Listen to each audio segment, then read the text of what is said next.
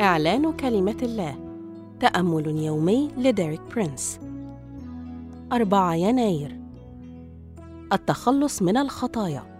هذا الأسبوع يشرح لنا ديريك برينس أهمية أن نشهد بطريقة شخصية بما تقوله كلمة الله عن الامتيازات التي يقدمها دم يسوع لنا.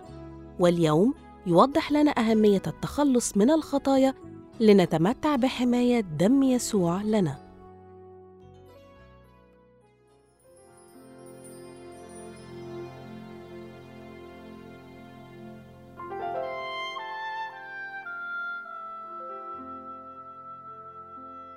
دعونا ننظر مرة أخرى إلى مراسم عيد الفصح عند شعب إسرائيل.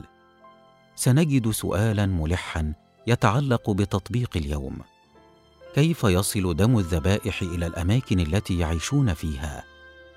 إن بقاء الدم في الأواني لن يفيد. إنه متاح ولكنه لا يفيد شيئا. كان على شعب إسرائيل أن يأخذوا نبات الزوفة ويغمسوه في الدم ويضعوا الدم على بيوتهم من الخارج على القائمتين والعتبة العليا. وفقط عندما يتممون هذا الأمر يكونون تحت الحماية. ولكن هناك شيء آخر في مراسم عيد الفصح يسبق هذا الإجراء. كان يجب على كل عائلة أن تتخلص من أي شيء مختمر لمدة سبعة أيام وهو ما اقتبسه الرسول بولس في رسالة كورنثس الأولى عندما كان يتحدث عن مراسم طقس الفصح وعيد الفطير. ويطبقها على مؤمني كنيسة كورنثوس. فيقول في العدد السابع اذا نقوا منكم الخميرة العتيقة لكي تكونوا عجينا جديدا كما أنتم فطير. لأن فصحنا أيضا المسيح قد ذبح لأجلنا.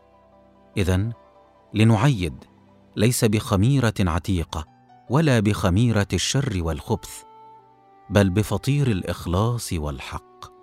كورنثس الأولى خمسة العدد سبعة وثمانية. ونحن أيضا يجب أن نتطهر من خميرة الخطية في حياتنا لكي نحيا في طاعة الرب. وبهذه الطريقة يمكن للدم أن يحمي كل مجال من مجالات حياتنا. أشكرك يا رب من أجل دم يسوع المسيح وأعلن أنه بتطبيق هذا على حياتي أتطهر من أي خطية تأخذ مكانا فيا.